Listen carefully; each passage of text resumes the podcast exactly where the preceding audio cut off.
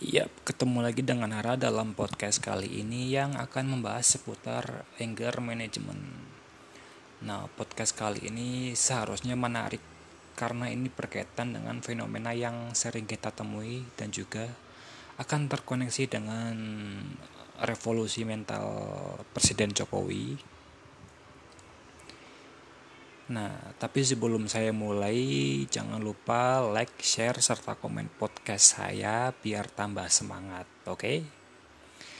Nah, baiklah tanpa basa-basi lagi, saya akan mulai podcast kali ini yang berjudul Sikap Barbar sebagai Identitas Baru Bangsa Indonesia. Nah, pada isi saya yang dulu saya sempat membahas masalah arteria dalan. Saya menyinggung masalah anger management atau kontrol emosi yang tidak dikuasai oleh arteria dalan da, arteria dalan dalam acara ILC. Sebenarnya bukan hanya arteria aja sih yang kesulitan mengontrol emosi. Banyak orang di seluruh dunia juga mengalami hal yang sama. Namun pada isai kali ini saya akan membahas kontrol emosi dalam masyarakat Indonesia dan bagaimana bisa ketidakmampuan dalam mengontrol emosi itu justru menjadi identitas baru bagi bangsa Indonesia. Goldman pada tahun 97 mendefinisikan anger management sebagai kemampuan untuk mengatur perasaan, menenangkan diri, melepaskan diri dari kecemasan, kemurungan, atau ketersinggungan dengan tujuan untuk keseimbangan emosi. Secara umum, anger management adalah suatu tindakan untuk mengatur pikiran, perasaan, nafsu, amarah dengan cara yang tepat dan positif serta dapat diterima secara sosial sehingga dapat mencegah sesuatu yang buruk atau sesuatu yang merugikan diri sendiri dan orang lain setidaknya ada dua aspek yang mempengaruhi emosi, yaitu keluarga dan lingkungan sosial. Nah, tentu sudah bukan hal yang tabu lagi. Banyak orang tua yang memarahi anaknya karena hal yang sepele. Para orang tua gampang sekali marah karena kenakalan anaknya. Bahkan banyak di antara orang tua yang melakukan kekerasan secara fisik kepada anak mereka karena hal yang apa anak kecil banget lah ya kan nakal itu. Nah, masalah kenakalan anak sebagai orang tua harusnya jangan memberikan reaksi yang berlebihan seperti memukul atau menendang. Karena sejatinya kenakalan anak berbeda dengan kenakalan orang dewasa. Anak kecil belum paham apakah yang mereka lakukan tepat atau tidak, benar atau salah.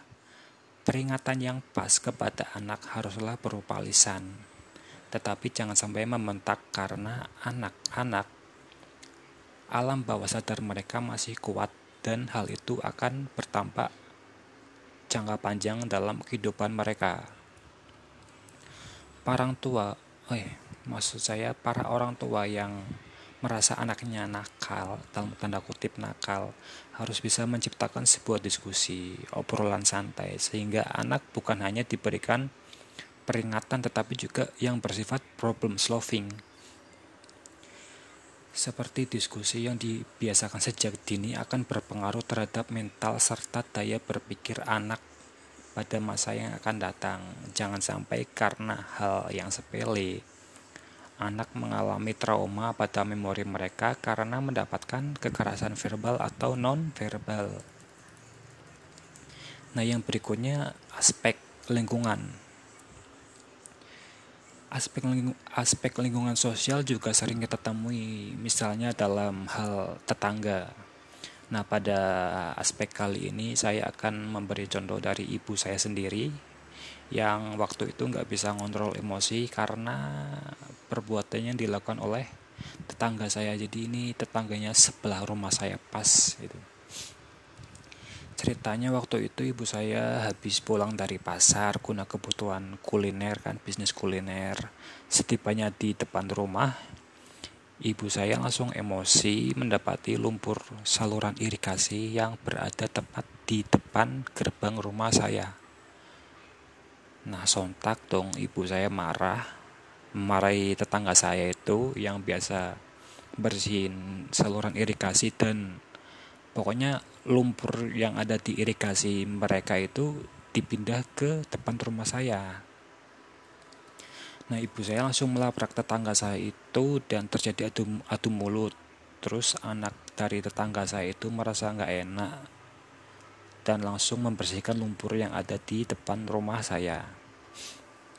Sebenarnya hal sepele seperti itu bisa dibicarakan secara baik-baik tanpa perlu emosi, namun karena kurangnya kontrol emosi dari ibu saya, akhirnya terjadi keributan dan berakhir dengan umpatan dari ibu saya ke tetangga saya itu.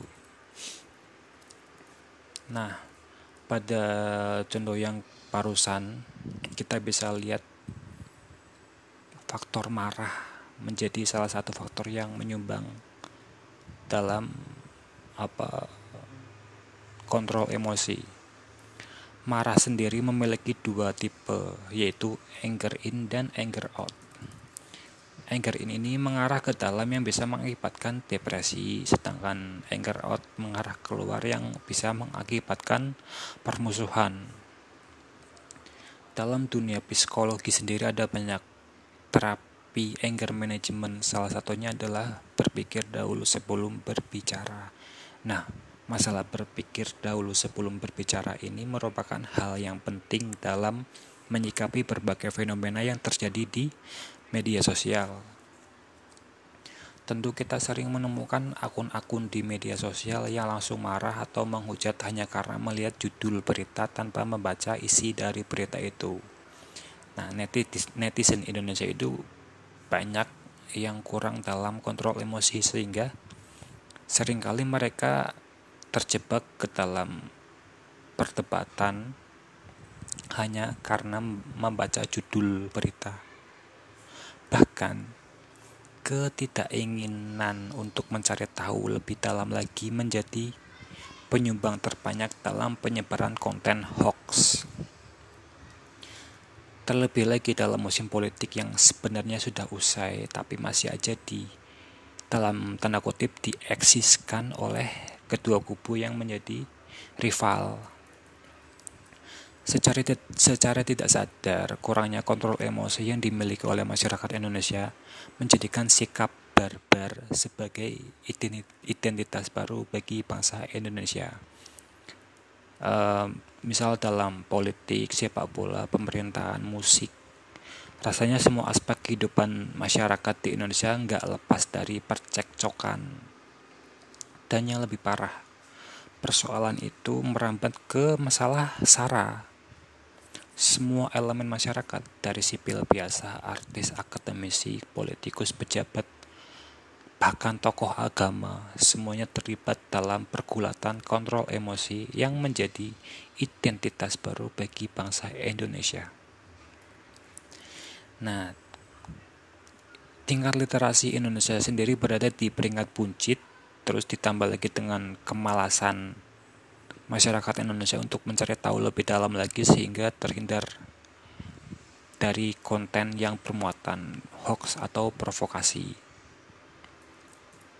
Dalam mengusung revolusi mental ala Pak Jokowi, harusnya pemerintah bisa lebih jeli dalam melihat sikap yang dimiliki oleh masyarakat Indonesia, terutama dalam apa fenomena yang terjadi akhir-akhir ini yang berkaitan dengan anger management. Rasanya revolusi mental akan menjadi gagasan hoax jika pemerintah mengabaikan disiplin ilmu utama dalam gagasan itu, yaitu tentang mental yang pastinya berkaitan secara langsung dengan psikologi. Nah, untuk membangun sumber daya manusia yang berkualitas di Indonesia, hal pertama yang harus diubah adalah pola pikir masyarakat itu sendiri.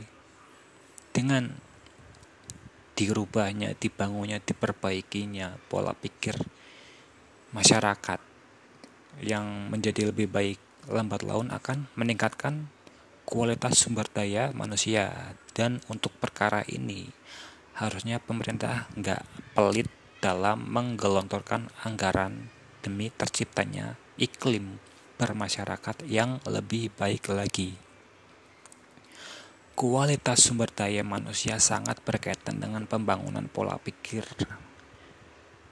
yang tentunya dalam dunia psikologis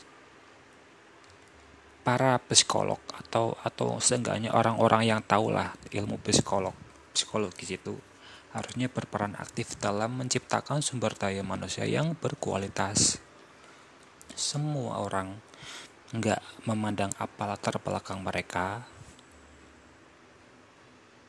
juga harus bisa memberikan edukasi kepada siapa pun yang dirasa lemah dalam kontrol emosi, membangun sebuah bangsa yang beradab, berkualitas. Tidak cukup jika yang melakukan hanya satu atau dua orang saja.